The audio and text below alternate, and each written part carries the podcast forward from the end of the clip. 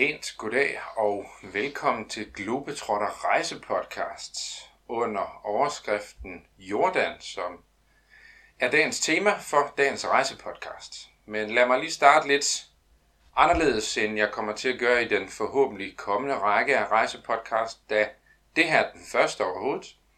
Så lad mig ligesom præsentere, hvad er udgangspunktet, mit udgangspunkt for den her rejsepodcast, og hvad er min, min idé med den. Mit navn er Mads, og jeg øh, er personen bag den her rejsepodcast, laver den helt alene, og det her er den allerførste, som jeg lige fik sagt. Og hvad er så ideen med den her rejsepodcast? Hvad kan I få med, når I om en times tid forhåbentlig har hørt den her til ende og er blevet en lille smule klogere på Jordan? Min baggrund for at kaste mig ud i den her podcast er ikke corona, som, øh, som jeg dog sidder i lige nu.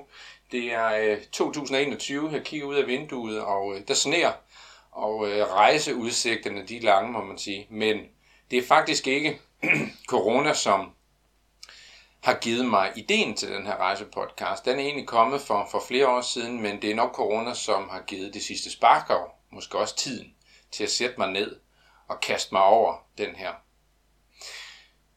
jeg er, øh, ja, hvad kan man sige, tidligere rejseleder. Det er jo svært at være rejseleder lige nu, når man arbejder freelance, som jeg har gjort i, i fem år, som, som rejseleder, rundrejseleder. Men lige nu er der jo ikke meget, kan man sige, udsigt til, at vi, vi kan komme ud i verden. Så det er måske også på den måde øh, et lidt specielt tidspunkt at udgive podcasten på, men så kan vi da i hvert fald gå og drømme om, og øh, måske kan jeg være med til at skabe noget interesse for lige præcis Jordan eller andre lande, når, når nu verden den åbner op igen. Forhåbentlig om ikke alt for længe. Jeg har haft de klassiske chartersæsoner, som, man, som de fleste rejseledere starter med i deres øh, tidlige tid, og jeg har haft ni sæsoner af dem, inden jeg øh, også begyndte at kaste mig over rundrejser, som jeg synes var mere spændende, for mig i hvert fald. Det med at have en gruppe med på tur over en længere periode, kortere eller længere periode, og så kunne fordybe sig i både historie, kultur og natur og hvad det nu end måtte være. Og har guidet og fortalt i nu igennem 24 lande, øh, sådan arbejdsmæssigt i hvert fald, og har derudover sådan en stor rejseløst og øh, lyst til at fortælle om, hvad det er, man kan tage ud og opleve, når man nu kommer rundt om i verden.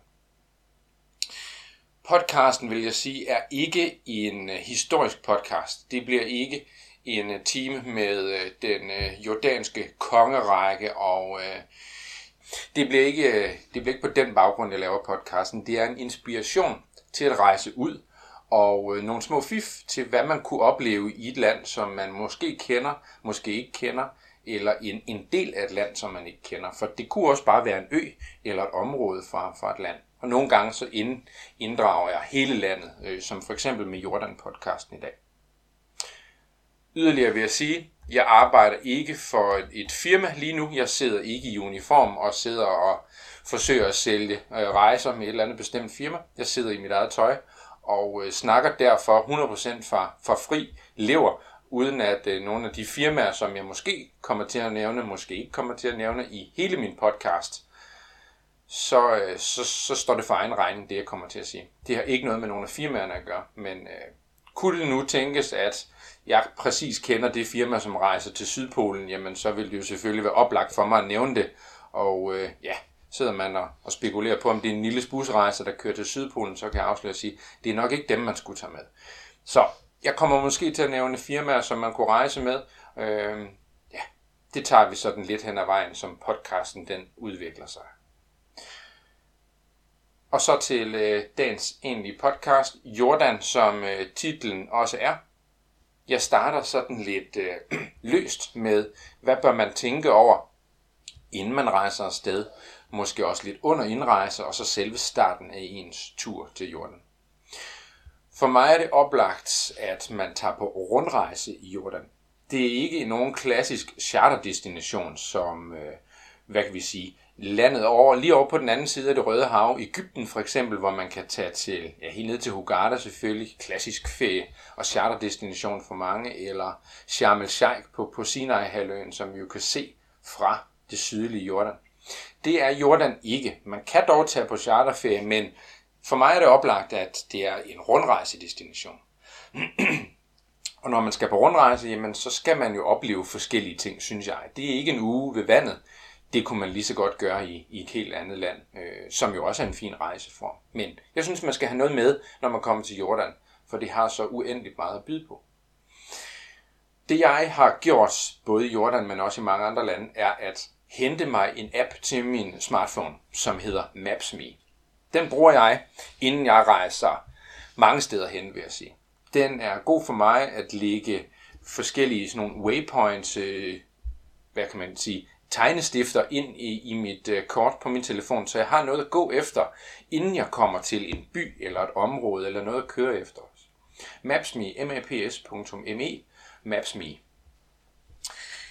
Du henter appen på, øh, på et netværk. Du skal selvfølgelig være forbundet til internettet på din smartphone, når du henter den, og så øh, skal du zoome ind på det land eller det område, du gerne vil se et kort over. Og når man gør det, jamen så beder den dig om at downloade kortet over området, og så har du det, også når din telefon måske ikke er på nettet.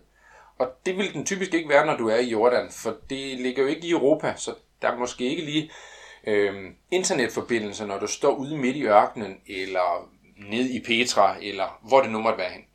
Så Maps.me har jeg gjort stor brug af i rigtig mange lande, og det giver mig et indre kort og nogle idéer om, hvad jeg skal ud og se. Så googler jeg, jeg læser måske nogle bøger, jeg ser nogle YouTube-videoer, jeg hører en podcast, hvis den er til at finde om, om det land.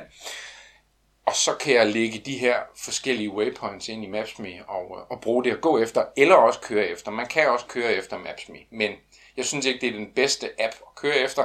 Jeg vil helst bruge sådan noget som Google Maps, men har man ikke internet og ikke bruger Google Maps, så er det måske ikke den bedste men Maps.me kan også godt bruges. Så den synes jeg er ret god at få hentet, inden man kommer til sit rejsemål. SIM-kort øh, kan man købe, øh, når man kommer frem, hvis man absolut ikke kan undvære at skal på, på Facebook øh, eller skal direkte have sådan en GPS at køre efter, så kan man godt bruge et SIM-kort. Jeg brugte det selv, da jeg var i, i Jordan sidst. Jeg, nu boede jeg der også og, og arbejdede der, så derfor kan man sige, så var der en god idé øh, for mig at, at, at få købt sådan et SIM-kort. Men skulle jeg tilbage, og det skal jeg bestemt på et tidspunkt, så gider jeg ikke at købe et SIM-kort øh, i lufthavnen med, med, med taletid, hvor jeg kan tanke op eller gå på nettet. Det gider jeg sådan set ikke. Jeg, øh, for mig er det rigeligt fint at kunne gå på nettet, når jeg kommer på et hotel, eller det kunne også være i en af busserne rundt om i, i Jordan, de store busser, der kører mellem for eksempel Aqaba og Amman, jamen der er fri wifi i bussen. Øh, og ja, det er der. Selvom vi er i et, et mellemøstligt, øh, forholdsvist forholdsvis fattigt land, så, så er der faktisk wifi i busserne, når man kører rundt. Og det, det er fint for mig. Enten det, eller så på hotellerne. Så jeg vil ikke gide at købe et SIM-kort, men man kan gøre det i lufthavn og fylde på med jordanske dinarer. Noget, man også kunne gøre, inden man tager hjemmefra, er at øh, se lidt dokumentar. Det gør jeg selv altid, inden jeg rejser ud, for at blive lidt, lidt klogere på området. Men jeg synes også, det giver mig noget at se ting i billeder, inden jeg kommer frem. Så er der noget genkendelse, når jeg endelig står nede i Petra og ser al skatkammeret. Øh, jeg skal nok komme meget mere tilbage til Petra senere. Men så er der noget genkendelse, når man, når man ser noget i virkeligheden, som man har set på billeder. Det, det giver meget for mig. Og jeg har YouTube øh, flere gode dokumentarer omkring Petra, som fortæller lidt både noget god historie omkring nabatererne, det her beduin øh, nomadefolk, som var dem, der byggede Petra ifølge historierne. Og noget om deres arkitektur og, og hvordan hele Petra, den her ørken by, den egentlig har, har virket som by. Så det kan man bruge. Og en sidste ting, man kunne undersøge på nettet, inden man kommer til Jordan, er, hvad kunne man tænke sig at se? Øh, fordi det kan man betale for, inden man kommer ind i Jordan. Når man skal til Jordan, så skal man jo gennem immigration, som man skal i rigtig mange lande. Man skal ikke øh, ansøge om at få et visum, man skal blot købe sit visum, når man øh, kommer til immigration. Det koster omkring 20 jordanske dinar, det gjorde det i hvert fald, da jeg var der, og dengang var det en kurs 10, det vil sige 20 jordanske dinar var 200 kroner. Jeg mener så, at kursen den er faldet lidt siden, men for nemheds skyld, så holder jeg mig til kurs, kurs 10, for det er nemt at omregne. Så 20 dinar, 200 kroner. Og det er for et visum, der gælder i 30 dage, hvis man har et pas, der er i hvert fald gyldigt tre måneder efter hjemrejse. Så, så det er det, man egentlig skal, skal tænke over. Men der er en fordel i at købe det, som hedder et Jordan Pass, altså et Jordan Pass. ikke købe et jordansk pas, det er ikke sådan et, men det er et, sådan et lille turistpas, man køber via nettet, som er indgang til en masse forskellige attraktioner. Der er mere end 40 attraktioner, man kan købe sig indgang til med et Jordan-pas. Dem jeg købte, da jeg var der øh, i Jordan, kostede enten 700 kroner eller 800 kroner. Det til 800 kroner mener jeg var det, som havde to indgange til Petra. Det er godt givet ud. 800 kroner, det lyder måske meget, men Indgangsbilletten for en enkelt indgang til Petra er 500 kroner, og så kan vi lægge visummet i, som er 200 kroner. Jamen, øh, så er de første øh, mange penge jo allerede brugt, kan man sige. Og i Jordanpasset er der nemlig inkluderet visum, hvis man er i Jordan i mere end tre dage, øh, tre nætter eller fire dage. Der er indgang til Petra, for eksempel, øh, citadellet i Amman, det romerske teater i Amman, Jerash, Rom-ørkenen, øh, Shobak-slottet og mange, mange andre ting. Alle de her ting er inkluderet i prisen for de 800 kroner, og så er der altså også to indgangsbilletter til Petra. Øh, så det er værd at kigge på, hvis man vil rundt og se noget i Jordan. Det er, man har lynhurtigt sparet nogle penge. Og øh, det er meget klassisk Jordan, at hvis man lige gider at se lige lidt mere, så kan man faktisk spare en masse penge.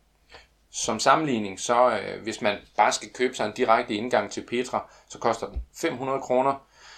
Skal man ind to gange, altså dagen efter, så koster anden indgang kun en 50'er, altså 550 kroner for to indgange og 500 for en indgang. Sådan er jordanerne. De, de er meget interesserede i turister. Det er sådan, de tjener en masse penge til landet, så hvis man gider blive bare lige lidt længere, så kan man faktisk spare nogle ting. Når man så kommer frem, så vil jeg sige, så bør man måske lande i Amman hovedstaden, helt i nord. Det ville jeg selv gøre, hvis det var mig, som rejste tilbage. Starte der, lege en bil, det kan man gøre allerede fra lufthavnen, og så køre til sit, øh, sit hotel. Hvis man ikke er frygtelig tryg ved at køre i udlandet, så vil jeg måske heller ikke anbefale, at man lige kører i Jordan, men så vil jeg så også sige, så er der nok ikke mange lande, man skal kaste sig ud i at køre i, for vi er i Mellemøsten, og de kører ikke som i Danmark. Men jeg synes ikke, at det er slemt, som trafikken kører. Og øh, når man kører nord og syd på mellem byerne, så er der ikke meget trafik. Der er måske lige, når man kører ind i Amman, som er lidt øh, anderledes, og øh, det er også fordi, man kører mere eller mindre uden vejnavne eller husnumre. En øh, lidt speciel ting i den gamle by Philadelphia, som er det gamle navn for Amman, der øh, da den opstod, jamen så havde man ikke sådan noget som vejenavne. Der havde man rundkørsler i stedet for. Man kommer ind til Amman, og der er syv store rundkørsler i byen. Jeg mener så godt nok, der er kommet en 8. siden, men der var syv store rundkørsler. Og det var dem, man navigerede efter. Man, øh, ja, man kunne sige, tænk et eksempel. Jeg bor i, øh, jeg bor ved rundkørsel 4, ud af fjerde vej til højre, og så bor jeg nede i hus nummer 3. Okay, jamen det er jo til at forholde sig til, hvis man vel og mærke kommer fra rundkørsel 4 hen mod rundkørsel 7. Det lyder lidt forvirrende, men det giver mening, hvis man er født og opvokset i Amman. I dag så er de begyndt at lægge vejnavne og husnumre ind, og til hoteller, der skal man ikke være så nervøs. Der kan man sætte sin GPS til, og så køre direkte hen til sit hotel. Men det er bare en, en lille sjov ting øh, omkring Amman, som øh, ja, den her gamle by ikke har brugt vejnavne ind til for ganske nylig faktisk. Man kan også tage bussen rundt, som jeg nævnte tidligere. Øh, Nord-Syd koster ikke ret mange penge for sådan en VIP-bus øh, med, med lækre sæder, opladning af telefon og wifi i bussen, når man, når man kører sted. Det tager en 4 timer, 4,5 timer at køre nord-syd på. Men så kan man altså ikke komme rundt og opleve de små ting, som jeg vil nævne i, øh, i podcasten, som jeg synes, man skal tage ud og opleve. Men man kan tage med rundt bus. Lidt fakta omkring Amman øh, og øh, for så vidt hele Jordan. Med 10 millioner indbyggere i hele landet, så er det et, et forholdsvis stort land, og der er mange flygtninge. Det er jo en vigtig ting at have med, når man skal besøge et land. Men hvordan er sammensætningen lige af landet? Og der er altså, jeg mener, jeg læste, at der er omkring 300, øh, 660 syriske flygtninge lige nu i, i Jordan. Det er jo selvfølgelig et tal, der, der kan stige og falde. Og mere end 2 millioner palæstinensiske flygtninge, som kommer lige fra den anden side af grænsen over for Jerusalem og Palæstina, som øh, bor rigtig mange af dem lige uden for Amman. de bor i store lejre, og de holder sig egentlig derude. Der er ikke sådan set noget, noget ballade og sådan nogle ting. Det er bare en masse flygtningelejre, som, øh, hvor, hvor, hvor, hvor flygtninge de bor i. Det kunne jo være meget interessant at tage ud og besøge, men det er ikke noget, jeg vil anbefale, at man, man, at man sådan set gør. Øh, medmindre man har et ærne derude. Hvis man gerne vil ud og hjælpe dem, hvis man kommer med en, en hjælpeorganisation, sådan nogle ting, så kunne det være, at man skulle tage derud. Men jeg vil sige, at tage ud i en flygtningelejr for at se giraffen, det, det, er ikke, det er ikke noget, jeg kunne nogensinde finde på at gøre. Det er, det er ikke lige min smag at tage ud og, og kigge dem som, som en anden turist med, med kamera og tage billeder af flygtninge. De har, ja, de har været igennem en masse frygtelige ting selvfølgelig, så derfor det er et helt kapitel for sig øh, at, at skulle besøge flygtningelejre. Men så ved I, at de er der, og øh, mange af dem bor lige udenfor, lige uden for Amman. Og hvis man kører nordpå, jamen, så vil man også køre, køre forbi en af de lidt større lejre. De snakker arabisk i, uh, i Jordan. De er dog gode på engelsk. Uh, England har uh, stor, hele uh, Storbritannien har været en stor del af, af Jordans tilblivelse, som, som det ser ud i dag. De har hjulpet med at, at befri dem fra det osmaniske rige, og uh, derfor har, har engelsk været et helt naturligt andet sprog for dem. Så de er gode på engelsk. Øh, mange af de steder, jeg kommer hen, alle turiststederne, så kan de selvfølgelig på engelsk, men ellers er det arabisk, der er hovedsproget. Og islam er selvfølgelig statsreligion det er det næsten alle er. Det er sådan 2,2 øh, procent øh, minoritet med, med kristne og jøder, som, som er resten af Jordan. Grænselandene er Syrien øh, og Israel selvfølgelig med Vestbreden også, og Irak, Saudi-Arabien, øster, øster sydpå. Og så er det et monarki, de har en konge, de er meget stolte af. Det er ham, man ser hænge billeder af mange steder, hvor man tænker, oh, hvem, hvem er det? Øh, har man ikke været i landet før, kender man måske ikke kong, kong Abdullah den anden, som, som sidder som konge. Meget vældigt konge, og hans far var også meget vældigt. Så derfor så hed, sid, øh, hænger han øh, rigtig, rigtig mange steder øh, på plakater. Øh, sådan det. Lidt geografi. Fra nord til syd er Jordan cirka 400 km langt. Øh, strækningen, som jeg kommer til at snakke om fra Amman i nord til Aqaba i syd, er der cirka 325 km i lige, i lige stræk. Øhm, og så er det så med nogle afstikker, når vi nu kommer, kommer til at køre rundt. Lad os begynde vores rundrejse. Som jeg sagde, så er det oplagt, at man rundrejser i Jordan, og ikke blot gør sig i, i charterturismen. Så skulle man måske tage til, tage til Aqaba og tage en uge dernede øh, med nogle udflugter op til nogle af de her attraktioner. Det kunne man gøre, men det er ikke frygteligt stort. Øh, jeg vil sige, rundrejse er oplagt på cirka 10 dage, øh, så kunne man dække Jordan ret godt ind. Jordan øh, er ikke frygteligt stort, og det er, det er jo enormt øh, tørt, så det er dækket af ørken det meste af det, så, så så meget er der heller ikke at se. Så på 10 dage synes jeg, man kan dække det ret godt ind. Også hvis man ikke lige har tænkt sig at sætte en hel måned af, eller man er ude at rejse et halvt år og lige kommer forbi Jordan og, og skal bruge lang tid, vil jeg sige, man er dækket ret godt ind, hvis man kommer her forbi på omkring 10 dage. Jeg ville personligt flyve til, til Amman i nord og starte der, afhængig af, hvornår jeg kom på dagen. Øh, hvis nu det var om aftenen, jamen, øh, så ville det passe mig helt fint. Få sovet ud, og så starte min tur dagen efter, og komme ud og få set hovedstaden som start. De to til tre ting, man typisk vil øh, se, de fleste rundrejser, de gør, øh, ligger stop forbi Citadellet, som ligger på en af de syv høje, som, som Amman er bygget på, hvor der er gamle templer, og øh, Herkules øh, statue og rester og romersk teater øh, lige nedenfor. Det er sådan de, de to vigtigste stop inde i Amman. Det romerske teater og citadellet oppe på en af de syv høje. Eventuelt kunne man gå sig en tur nede i bazaren, som ligger neden for citadellet, nede ved øh, det romerske teater. Gå den vej ind igennem. Det er en oplevelse at komme ind igennem sådan et lokalmarked, og har man ikke været i Mellemøsten og prøvet at gå igennem en bazar, så er det helt sikkert en oplevelse at gøre det her også. Men selvom Amman er en kæmpe by, og der burde være meget at se, så er der ikke specielt meget for, for turister at komme rundt og se. Der er et par museer, nogle folkloremuseer nede ved det romerske teater også, som jeg synes, man bør gå forbi, når man alligevel er der. Men en halv dag, jamen så, så, så er man rimeligt dækket ind med at have set centrum af Amman. Man kunne køre nordpå igen til Jerash, her efter cirka 50 km nord for Amman. Der, øh, der ligger øh, ja, ruiner, er det egentlig, der er tilbage. Nogle mener, at det, øh, der boede mennesker har 7.500 år før Kristus, altså helt tilbage til neolitisk tid, enormt gammel. Men arkeologerne kan i hvert fald finde beviser for, at der i bronzealderen boede mennesker, og det er sådan noget 3.200 øh, år før Kristus, sådan noget. Så for mere end 5.000 år siden har, har arkeologerne i hvert fald beviser for, at der boede mennesker her. Det er en gammel romersk, øh, græsk-romersk by, øh, men osmanderne har også brugt området. Jeg vil sige, både i Amman, men også op i Diras, kunne man med fordel hyre sig en lokal guide til at tage med rundt. Det er flot, det er flotte ruiner og de bygninger, søjler og sådan noget, der stadig står tilbage, men det er godt givet ud at få historien med, når man også er der. Ellers så bliver det hurtigt en, øh, en, en halv time stur, hvor man lige går igennem, knipser et par billeder, og så er man videre, medmindre man virkelig øh, sætter sig ind i historien, inden man kommer hertil. Så en lokal guide kan man få ret billigt og øh, tage med sig rundt øh, begge steder.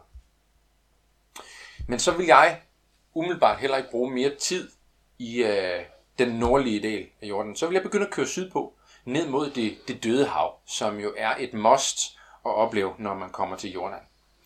Det døde hav kan man jo også opleve fra, fra Israels siden. Mange danskere har jo været dernede. Øh, folk med psoriasis øh, tager herned, eller andre hudproblemer. Øh, der skulle det altså have nogle øh, virkelig gode egenskaber. Det har meget salte vand, men også mineralerne og mudderet i det døde hav skulle virke rigtig godt. Her kunne man køre ned og øh, overnatte en enkelt eller to gange. Mere vil jeg ikke øh, gøre, når man kommer til, til det døde hav, for, for så meget sker der heller ikke. Øh, det er blot en stor saltsø, som er sjov at svømme rundt i, øh, og så er det sådan set det. Jeg vil ikke gide at, at skulle bade her mere end nogle, nogle få dage. Den nordlige del af det døde hav er der, jeg oftest har opholdt mig på, på hotel, når man skal øh, ned, og, ned og bade ved, ved, ved vandet. Man kan her nemt komme over til Israels siden. Der er nemlig en, øh, en, en grænsekontrol lige nord for det døde hav.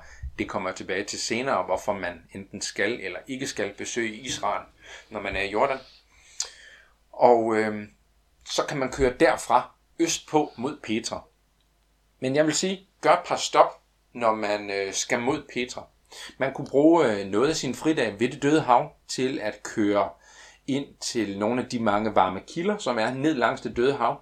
Jeg har oftest besøgt dem, som hedder Marin, M-A, mellemrum I-N, Marin, det er blevet det er sådan et helt kur øh, sted, hvor man kan komme op og opleve de her varme kilder, som springer direkte ud af klippesiden nogle steder, og de bliver enormt varme. Flere steder så er det så varmt, man ikke kan komme i, og andre steder er det en, en smule køligere, men øh, over 45 grader, og nogle steder op mod 60 grader varmt vand, man kan, kan bade i. En 20-25 minutter fra den, fra den nordlige del af, af det døde hav, kan man altså køre ind og, og besøge øh, det her område en flot køretur gennem nogle af de her vardier, altså de her udtørrede flodlejer, ind mod de varme kilder. Hvis man sætter kursen mod Petra, så vil jeg også lave et par stop den vej ind. For eksempel Mount Nebo, altså Moses bjerg. Moses bjerg er her, hvor Moses efter sine skulle have stået og kigget ud over det, det hellige land, der hvor der flød med mælk og honning.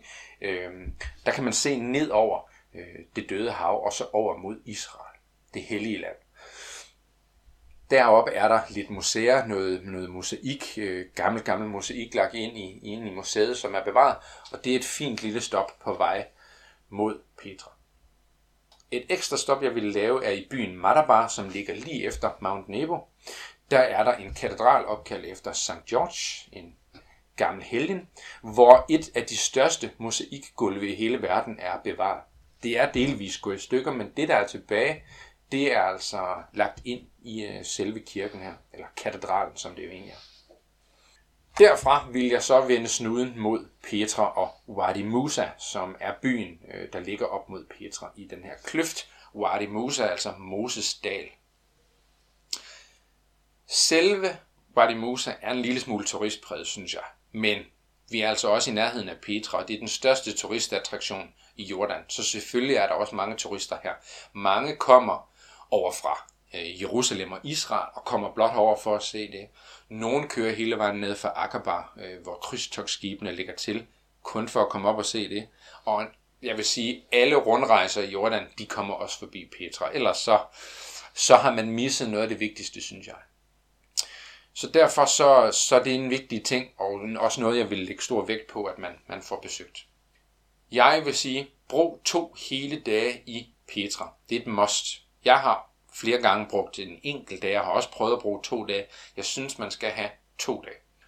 Man bør købe sig en lokalguide med. Hvis ikke man har det, hvis ikke man er en del af en tur med lokalguide, så bør man købe det her også, og det kan fås øh, ganske billigt for en hel dag, hvor han går med ind ned igennem Petra, op ved turistinformationen, som er lige inden, at øh, Petra starter.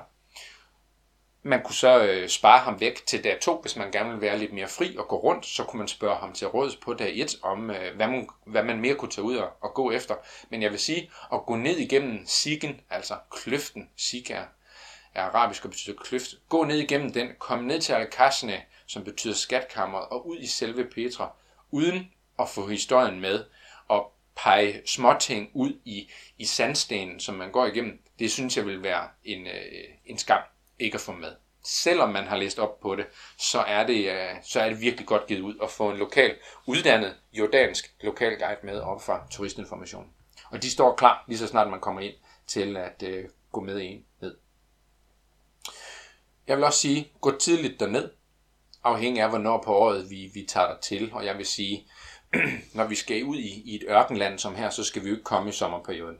September er måske også for varm, men jeg kunne godt finde på selv at tage dig til i september. Ellers så er oktober perfekt, og november begynder at blive lidt køligere igen. December for kold, og januar er nok også for kold, inden at februar igen bliver god, igen, øh, en god temperatur, og marts og april kan også fint benyttes. Men ikke kom i, øh, i december januar, det er for koldt, og der er for stor risiko for regn, om sommeren er det alt for varmt. Men derefter, så, øh, så er det altså fint. Men kom tidligt herned, så snart de åbner, så øh, undgår man noget af det, der er værst. Det er nemlig turister, så nogen som, som os selv. Men når man går ned igennem Sigen, så er det smukkeste, det er altså at se det uden så mange mennesker. Og de kommer. Grupperejserne, de kommer typisk lige lidt senere, og de mange, mange asiatiske turister, som springer gåturen over, hvilket jeg slet ikke forstår, men de er måske ikke så godt gående alle sammen. De springer gåturen over, de tager en golfvogn ned, eller rider bare ned øh, i, i hestevogn, hele vejen ned for at se skatkammeret al og så, og så er det ud igen. De kommer først sådan op af formiddagen, typisk op mod middag, og det er også der, hvor alle krydstogtgæsterne de kommer, når de er kørt hele vejen ned fra Akkervej og kommer hertil. Så kom nu ud i formiddagen, og det er også lige lidt køligere at starte på, så det er fint. Og så går man ned igennem Sigen. 1,2 km er kløften, og når den så slutter, så står man foran det Petra er mest kendt for, nemlig al som er skatkammeret. Det Her hvor vi kender fra, fra kendte film, for eksempel Indiana Jones, hvor kommer ridende og, og rider ind imod det her øh, stenudhug, som er i klippen, Så man ikke kan komme ind og se. Der er også kun tre rum inde bagved. Der er ikke umiddelbart noget, der gemmer sig. Og nedenunder så er der muligvis øh, rester af et gammelt gravkammer. Det er man ikke helt sikker på. Men det er altså, hvad der er at se, når man kommer til al Og så åbner hele Petra sig egentlig for en herefter. Og her, hvis, hvis man ikke går med en lokal guide, vil man øh, typisk blive mødt af en masse øh, unge knægte, øh, og også lidt ældre øh, knægte, som gerne vil vise en rundt. Det tager de sig selvfølgelig betalt for, i hvert fald bagefter. De vil gerne vise jer op til en masse steder, Øh, hvis man bare googler billeder fra Petra, så får man jo det ene smukke fotografi efter det andet, og her vil alle de her drenge gerne vise jer op. Det vil jeg ikke anbefale, at man gør. Jeg har hørt fra mine, øh, fra mine lokalguider, at turister er døde, øh, fordi de måske ikke er de bedste vandrestier, de her drenge, de vælger, når de skal gå op nogen sted.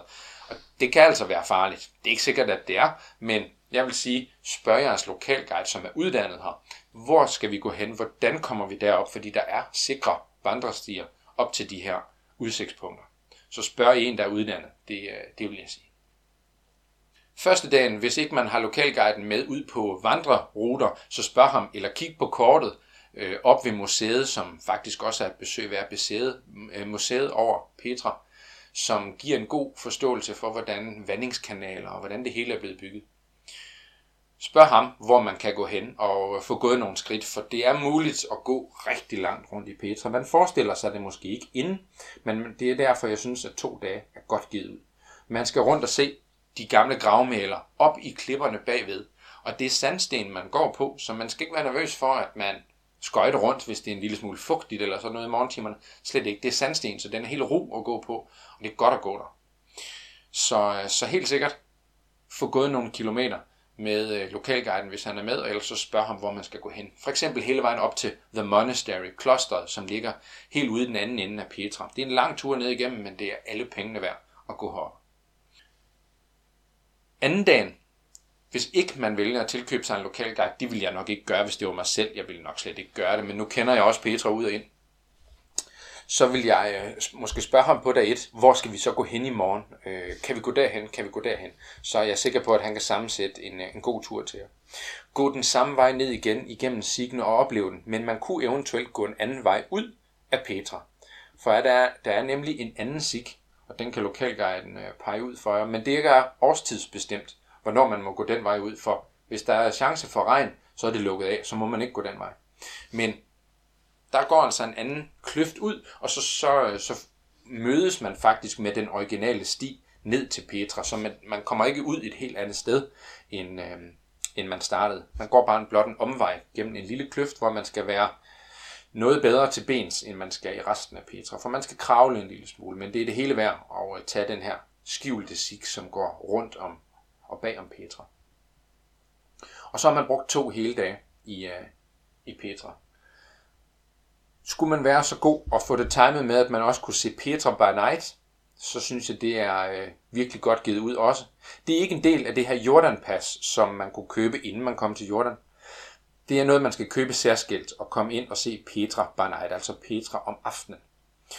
Man går fra sit hotel og øh, går ned igennem Siggen her. Der er ikke muligt at tage de her hestevogne og sådan noget, som det er tidligere, men så er der lagt eller sat lanterner hele vejen ned igennem den her Sig, 1,2 km, og det er en fantastisk oplevelse.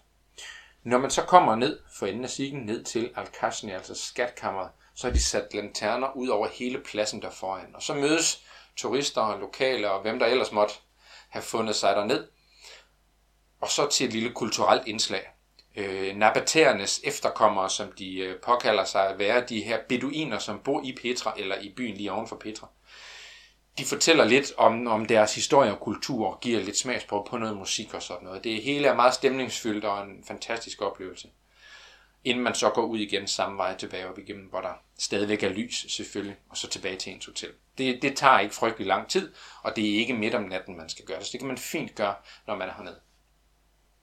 Og det sidste lille fif omkring Whitey Musa og Petra. Benyt et hotel, som ligger ned mod Petra. Selve Musa er ret stort, jeg har boet på hoteller mange steder. Nogle af dem ligger altså måske 20 minutters kørsel i bus eller bil ned til Petra. Og det er altså lidt langt, hvis man gerne vil være effektiv og afsted om morgenen. Selvfølgelig, hvis man tager sin bil derned og parkerer i byen, så kunne man godt. Men jeg vil sige, bo, hvis man kan komme til det og gider bruge pengene på Petra Guesthouse, som ligger lige ovenfor billetkontoret, men som er et fantastisk godt lækkert hotel. Virkelig god mad så bor man og kan gå direkte ud af en af Petra uden ekstra kilometer til benene. Dem skal man nok få gået ned i Petra. Eller et af de andre gode hoteller, som ligger i Wadi Musa by ned imod. Det synes jeg er, er vigtigt at gøre. Men mindre man har bil selvfølgelig og kan, kan køre hele vejen ned. Jeg vil selv vælge at bo på Petra Guesthouse. ja, det var Petra. Lad os øh, forlade Petra en tur og øh, så begynde at køre sydpå. Når man øh, kører sydpå mod Akaba, kunne man lave et øh, par stop, og det vigtigste stop, synes jeg, når man er i Petra, er at besøge Lille Petra. Petra som by var jo ja, oldtidens svar på Las Vegas, kan man sige. En, en by mm, um, ude midt i ørkenen, som blev øh, hovedstad for det her beduinfolk.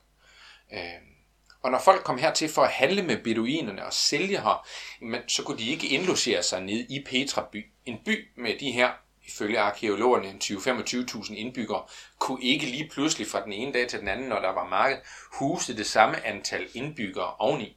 Så de skulle bo uden for byen. Det er meget klassisk, at man ser det ved by, at markedspladsen ligger lige uden for byen, sådan så der har været plads til folk.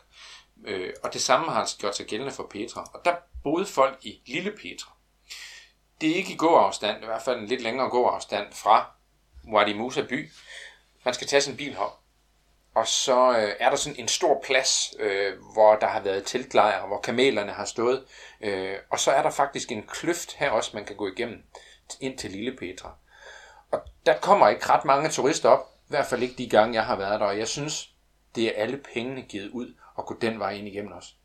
At se Lille Petra er en helt anden oplevelse end at komme ned i, i det store. Det minder lidt om, men øh, det er meget mere uberørt, og øh, der bor faktisk stadigvæk øh, lidt beduiner deroppe. Det var der i hvert fald sidst, jeg var der, og man kan se inde i nogle af de gamle gravkammer, som er her også, at der er helt sort inde på indersiden af væggene, fordi det stadigvæk en gang imellem bliver tændt bål inde i de her små øh, stenhuler. Det er ret specielt at komme den vej ind. Så Lille Petra synes jeg virkelig også, man skal besøge, når man kører sydpå. Når man er i området, jamen, så kunne man besøge Shobak, en af de gamle ridderborge. Dem er der nogle stykker af i Jordan, men Shobak er ganske fin, og har man købt sit Jordan-pas, jamen, så har man også gratis øh, indgang hertil. Øh, og det ligger ikke ret langt fra, fra Petra alligevel, så det kunne man besøge, inden man kører til Aqaba. Når man kommer til Aqaba, så synes jeg, at man skal bruge flere overnatninger hernede. Der er både mulighed for at slappe lidt af, men også for at komme ud og se noget. Der er flere muligheder. Jeg dykker selv, og øh, gør det altid øh, hernede også. Der er flere ting, man kan tage ud og se. Der er fine koralrev. Det er ikke de flotteste i verden. Det er det ikke, men det er det røde hav. Det er dejligt varmt, og det er flot at komme ned og dykke her. Yderligere har de smidt en gammel kampvogn i vandet også, og den er lavet af blandt andet jern, som, som ruster ret hurtigt. Derved så kan forskellige algevækster og koraller og sådan noget nemt vokse på den her kampvogn, og det giver sådan en fin lille oplevelse, når man dykker her. Samtidig med, at man også kan dykke ved et gammelt flyvrag. Ah, så gammel er det måske heller ikke, men det er en gammel øh, Hercules militærflyver, som er blevet øh, smidt på, på bunden af havet her også.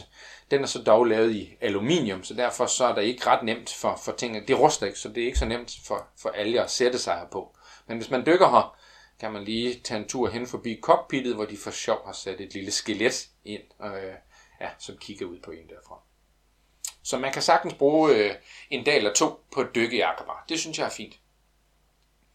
Man kan tage på ATV-tur.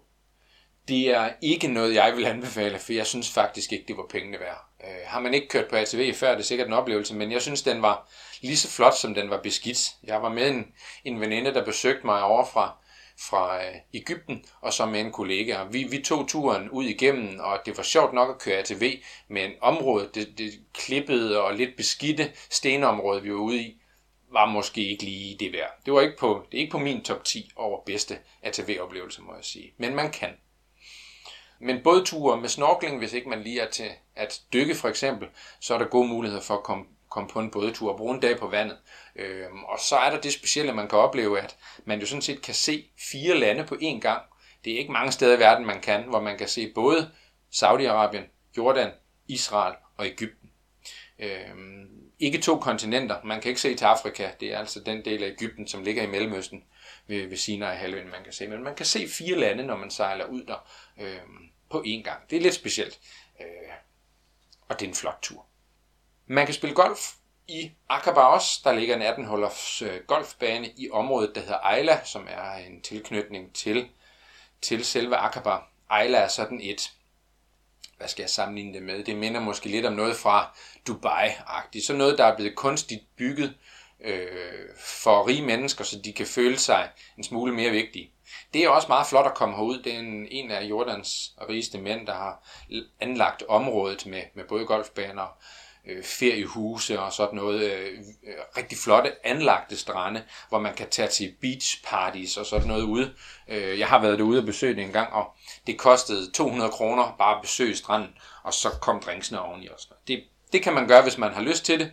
Jeg benytter det ikke specielt meget, men man kan tage ud og spille golf ude i Ejler. Det er en god golfbane. Jeg har selv spillet der. Den vigtigste ting, som øh, hvis man tør, som jeg synes, man må og skal opleve, når man er i Aqaba, er at tage til Wadi Rum. Selve Wadi Rum ørkenen kommer jeg tilbage til lige om lidt, men man kan også tage på luftballonstur, altså sådan en varmluftballon hen over ørkenen. Jeg gør det selv de steder, jeg kan komme til det, hvis jeg synes, det er et flot sted at gøre det, og i luftballon over Wadi Rum er også en øh, stor oplevelse for mig. Man kan tage med en taxa, det var sådan jeg selv gjorde det, tog en taxa, snakkede med en af de lokale inden fra Akaba by, og sagde, gider du hente mig i morgen klokken 4 eller 5, eller hvornår det nu passer med, at man skal køre den her time, inden solen står op, til øh, mødepunktet, hvor man kan mødes med sine ballonskipper. Der er flere firmaer, som gør det, hvis man øh, udsøger dem øh, på nettet, og jeg har kun øh, gode anbefalinger herfra. De gør det selvfølgelig ikke, hvis vejret ikke tillader det, og man får sine penge tilbage. Det er meget professionelt, synes jeg. Øh, det må ikke blæse for meget, det må heller ikke blæse for lidt, så det er altid lidt vejrafhængigt.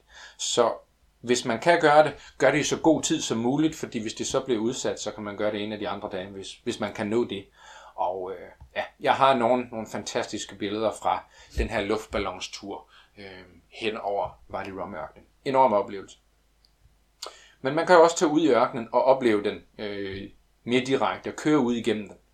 En øh, times kørsel, tre kvarter til en time, op til øh, turistcentret, der ligger til Wadi Rum. Her kan man få sig en tur på øh, ladet af en jeep med øh, lokale beduiner, som er øh, uddannet til at, at køre med turister den vej ud igennem. Og øh, her kan man enten gøre det til en halvdagstur, hvor man bare kører op over middag, tager turen ud igennem ørkenen og ender i en beduinlejr og spiser noget god mad, inden man bliver kørt tilbage til Akaba igen. Jeg vil sige, man kunne også bruge en overnatning herop. Det er bestemt ikke kedeligt at sove i en ørken, for øh, der er så dejligt stille, når man er så langt væk fra alting. Og stjernehimlen her bliver smukkere end mange andre steder. Der er ingen lysforurening, når man øh, kommer herud. Og øh, ja, er der skyfrit, så er stjernehimlen enormt smuk. Selve ørkenen er også en af de smukkeste ørkener i hele verden, synes jeg. Den øh, har det, som de fleste forbinder med en rigtig ørken, nemlig sand. Mange ørkener, hvis vi bare tager Ægypten igen som sammenligning med den stenede Sahara, som i store dele har enormt mange klipper og øh, er mere gold at se på på den måde, så har Wadi Rum masser af sand, rødt sand, som man kan komme ud og løbe i og trille i, og øh, er ret fed oplevelse. Mange film er blevet optaget herude, sådan noget som The Martian eller øh, Lawrence of Arabia, ældre film, men også Star Wars og sådan nogle ting. Jeg, var, jeg boede selv i Akaba, da de var ved at optage en af de nyere Star Wars film. Og så var der altså en del af ørkenen, som var lukket af. Ikke noget, der var et problem for os, men der var altså en, en masse øh, vesterlændinge indlogeret på en masse hoteller i Akaba, som var en stor del af produktionen til, til den her Star Wars film, som blev optaget herude. Og når man kommer ud i ørkenen, kan man også godt se, hvorfor det er øh, det, man måske forbinder med en, en film fra Mars eller et eller andet. Et sted for ude for universet, fordi det er meget specielt at, at komme ud igennem den her. Den er enormt flot.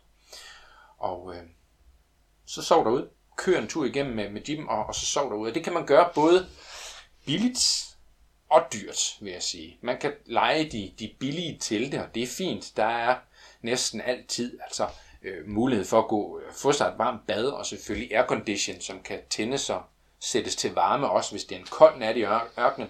Men man kan også, hvis man googler billeder derfra, finde de her kubler med glastag, hvor man øh, meget luksuriøst, synes jeg, sover med øh, direkte view op til stjernehimlen på grund af glastaget i ens, øh, ens kubbel, øh, kubbeltelt, som man sover i. Fantastisk oplevelse, hvis man vil have det hele med. Og så selvfølgelig, maden skal også nævnes udefra. Den er fantastisk. Når jeg har spist med beduinerne, laver de typisk ged. Og ged, ja, så øh, jeg kan næsten høre, der er nogle af jer, der rynker på næsen alle sammen, for det vil I ikke have. I går glip af noget, fordi ged er fantastisk. Især når det er lavet godt. Det øh, gælder selvfølgelig for alt mad. Det skal laves godt. Men geden, som beduinerne laver det, når det har stået en 4-5 timer i jorden og bare stå og hygge sig med grøntsager også, og så de går ud og åbner den her jordhøj og hiver gedeskinnet af, og det damper op hernede fra. Det er så mørt og smager så godt, og så skal vi bare lige have en smule hummus med os, så, så er der ikke et øje tørt. Det smager virkelig godt. Selve turen ud i Jeep er kun en lille bid af Wadi Rum ørkenen. Der er, den er enormt stor, det er kun lige kanten, man kører i. Man kan komme længere ud, og man kan faktisk også komme på vandring igennem ørkenen. Jeg har ikke selv prøvet det, øh, de her flerdags vandringer, hvor man sover et nyt sted og sådan noget. Jeg kunne godt tænke mig det, og jeg har set grupper øh, komme gående igennem ørkenen, og øh, det er altså også en mulighed, hvis man vil er til det, til det mere ekstreme og vil gennem ørkenen på den måde. En sidste lille stop, man kunne gøre i Jordan, inden vi måske kører tilbage til øh, Amman igen, er et stop ved Jordanfloden. Den har ikke nævnt, men er ret vigtig. Øh, rent historisk set en af de vigtigste floder i verden. Øh, efter sine var det jo her, Jesus blev døbt af Johannes Døberen, Sankt Hans eller Sankt John. Øh, kært barn har mange navne, men om det er på den ene eller den anden side, om det er på Jordans siden eller Israels siden, det er der delte meninger om, men det er jo også en pilgrimsrejse at komme til Jordanfloden og bade her i. For de kristne, selvfølgelig. Jesus, Guds søn, der er noget, noget enormt vigtigt i at komme hertil.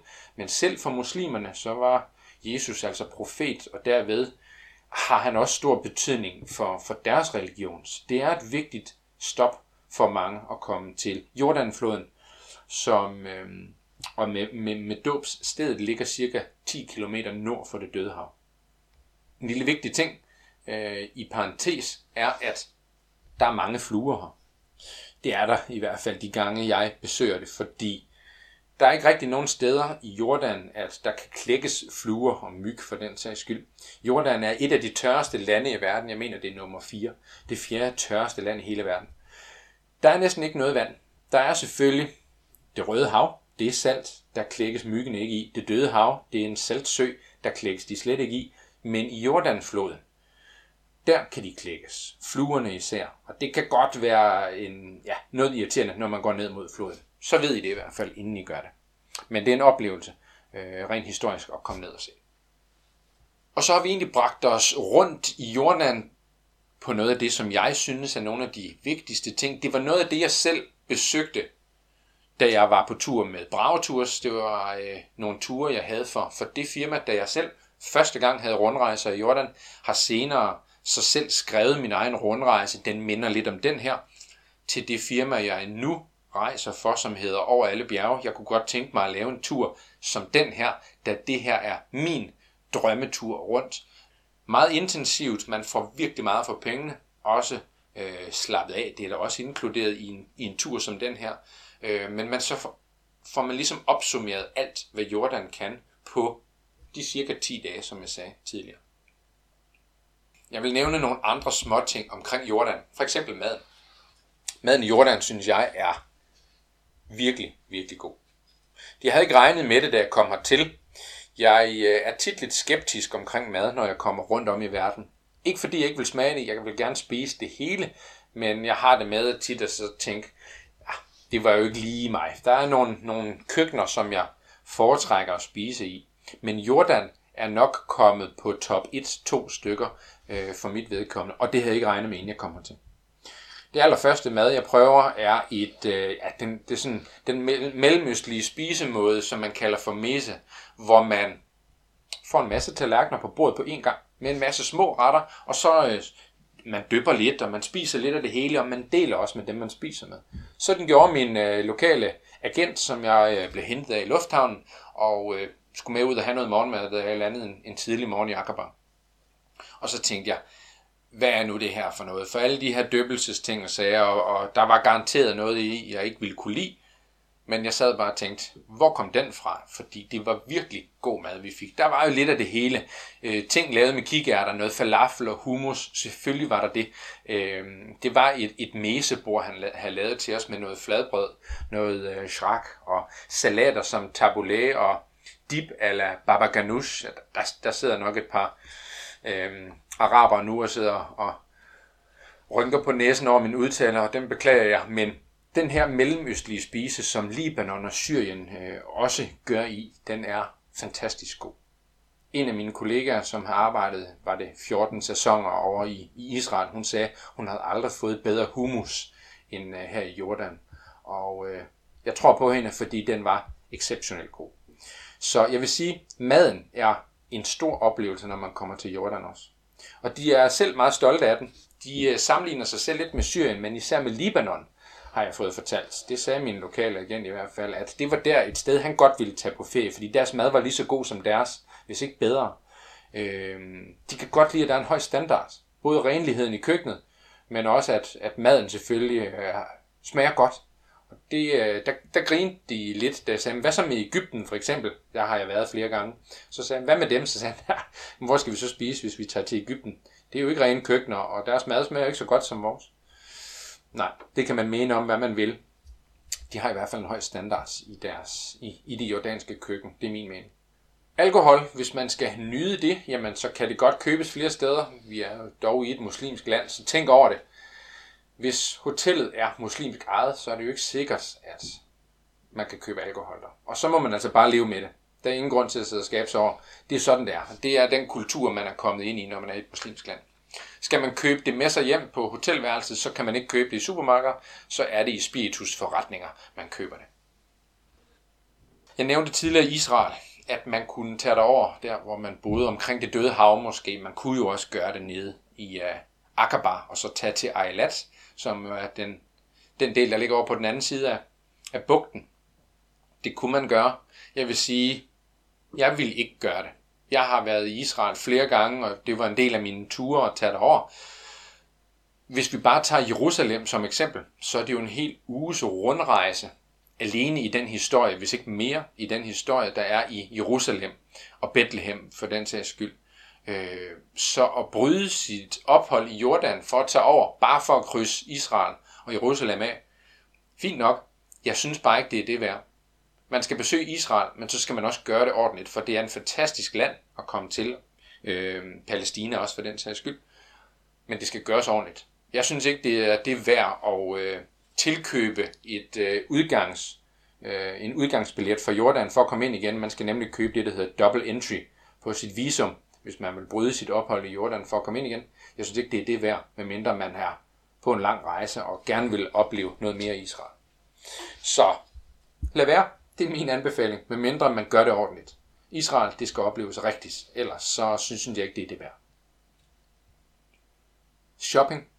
Hvad skal vi købe med hjem, når vi er ude at rejse? Øh, vi skal selvfølgelig have en køleskabsmagnet med hjem, eller hvad det nu er, vi samler på. Klassiske turistting, men jeg vil sige, når vi nu er nede i Akaba alligevel, jamen så øh, er det jo oplagt at gå på markedet, som er i Akaba, købe dadler, tørret frugt eller nødder med hjem. Min lokalguide for Amman, hvor vi var på tur, og vi havde ophold i Akaba, så skulle han altid have noget med hjem hernede fra. Det var her, det var billigst, og det var her, det var bedst. Så det købte han altid med hjem nede fra Akaba. Og jeg vil sige, jeg har da heller ikke fået bedre dadler, end jeg har hernede fra. Både de jordanske, men også dem fra Israel selvfølgelig. De smager ja, fantastisk. Og det tørrede frugt og nødderne, ja, men det er, jo, det er jo som slik, når man, øh, når man får det med hjem på hotelværelset. Det kunne man købe og tage med helt hjem. En anden ting, som øh, folk gør i, er at købe mudder med hjem fra, fra det døde hav. Forskellige cremer og ting og sager. Men man kan også bare fylde sig en vandflaske med mudder. Det ser jeg rigtig mange gøre. Og så har man, så har man mudder med hjem på den måde. I stedet for at købe de dyre cremer. Men det er jo selvfølgelig også en ting, som de lever af at sælge. På det hotel, man vil bo på i nærheden af det døde hav, har de selvfølgelig også mulighed for at ikke købe noget, nogle af de her produkter derfra. For nørderne, som øh, er lidt mere interesseret i udgravning og sådan noget, så er der jo en masse øh, dyb historie i Jordan. Og øh, det kunne man jo også tage rundt og, og besøge. Jeg har selv haft en, en arkeologgruppe med igennem Jordan, og øh, det, var, det var specielt, må jeg sige, fordi da jeg gik igennem Petra med dem, og var på vej over mod et øh, gammelt gravmæle, som jeg glædede mig til at vise frem, fordi det var fantastisk flot, så var der lige pludselig ikke nogen mennesker bag ved mig, ikke i hvert fald lige bag ved mig, for de var alle sammen stoppet op med røven i vejret. Og så gik de og samlede potteskår op, fordi dem kunne de altså se, de var mere end 2.000 år gamle. Øh, og det er jo også fint. Øh, hver sin smag selvfølgelig, og jeg kan godt se, hvorfor det var vigtigt for dem, at de her potteskår var så interessante. Øh, så for arkeologer, øh, og jeg har selv haft en, en uddannet arkeolog med, som har gravet i, i Petra i 25 år, øh, en svensker med igennem øh, på rundrejse. Og det er jo selvfølgelig en, en helt anden tur, når, når det bliver med de arkeologiske briller. Og den del er, er selvfølgelig også enormt vigtig at have med, når, når man er i Jordan. Så har man, har man den interesse, så er der også masser af at se på i hele Jordan. Det var altså Jordan, øh, min første podcast i, i rejsepodcast-serien, og mit bud på, hvordan man øh, får sig en fantastisk oplevelse med hjem fra et af de største rejsemål, jeg har haft. Jordan har jeg aldrig glemt og kommer ikke til det. øh, er altid glad for at se noget i fjernsynet, når der kommer noget fra Jordan, så skal jeg altid lige se det. Jeg har et helt specielt forhold til det her sted. Men jeg har selvfølgelig også levet af at fortælle om Jordan og virkelig sat mig ind i, hvad er det for et fantastisk land. Og øh, jeg glæder mig til at komme tilbage igen. Min taske den er pakket og, og klar til at rejse den her vej igen, når verden en dag åbner.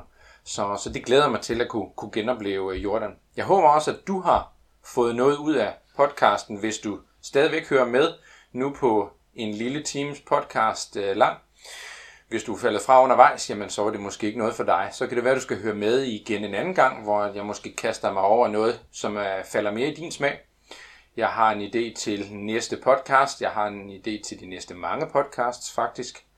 Og øh, afsnit 2 bliver noget, som er lidt tættere på Danmark. Det bliver Grækenland, en lille græskø, jeg har befundet mig på, kaldet Lefkas. Ikke en af de måske så klassiske feriedestinationer, men en jeg selv har fået lov at vise frem for, for gæster før. Den glæder mig til at fortælle om.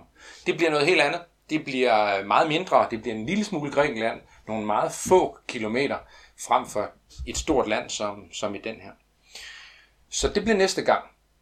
Indtil at vi høres ved i næste podcast, kunne man gå på Facebook og finde min øh, gruppe, hvor man kan kontakte mig, hvis man har et eller andet, man vil fortælle mig. Det kan være øh, feedback fra podcasten her, tips og tricks til øh, rejsen rundt i Jordan, hvis man har noget, man synes, jeg bør opleve.